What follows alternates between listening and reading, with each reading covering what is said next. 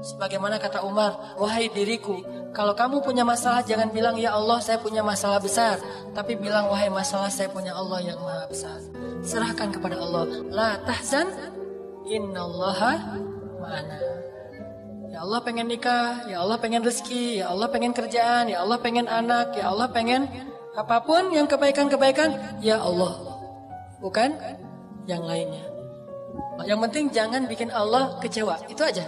Kalau kita nggak bikin Allah kecewa, kita masih tetap bisa ngandelin Allah. Begitu kita ngecewain Allah, nggak bisa ngandelin apa pun. Kalau kita mengandalkan Allah, maka Allah akan menggunakan segalanya untuk kebaikan kita. Kalau kita nggak bisa mengandalkan Allah, maka kita kehilangan segalanya. Sehingga ulama bilang, siapa yang mendapatkan Allah, dia mendapatkan segalanya. Siapa yang kehilangan Allah, dia kehilangan segala-galanya.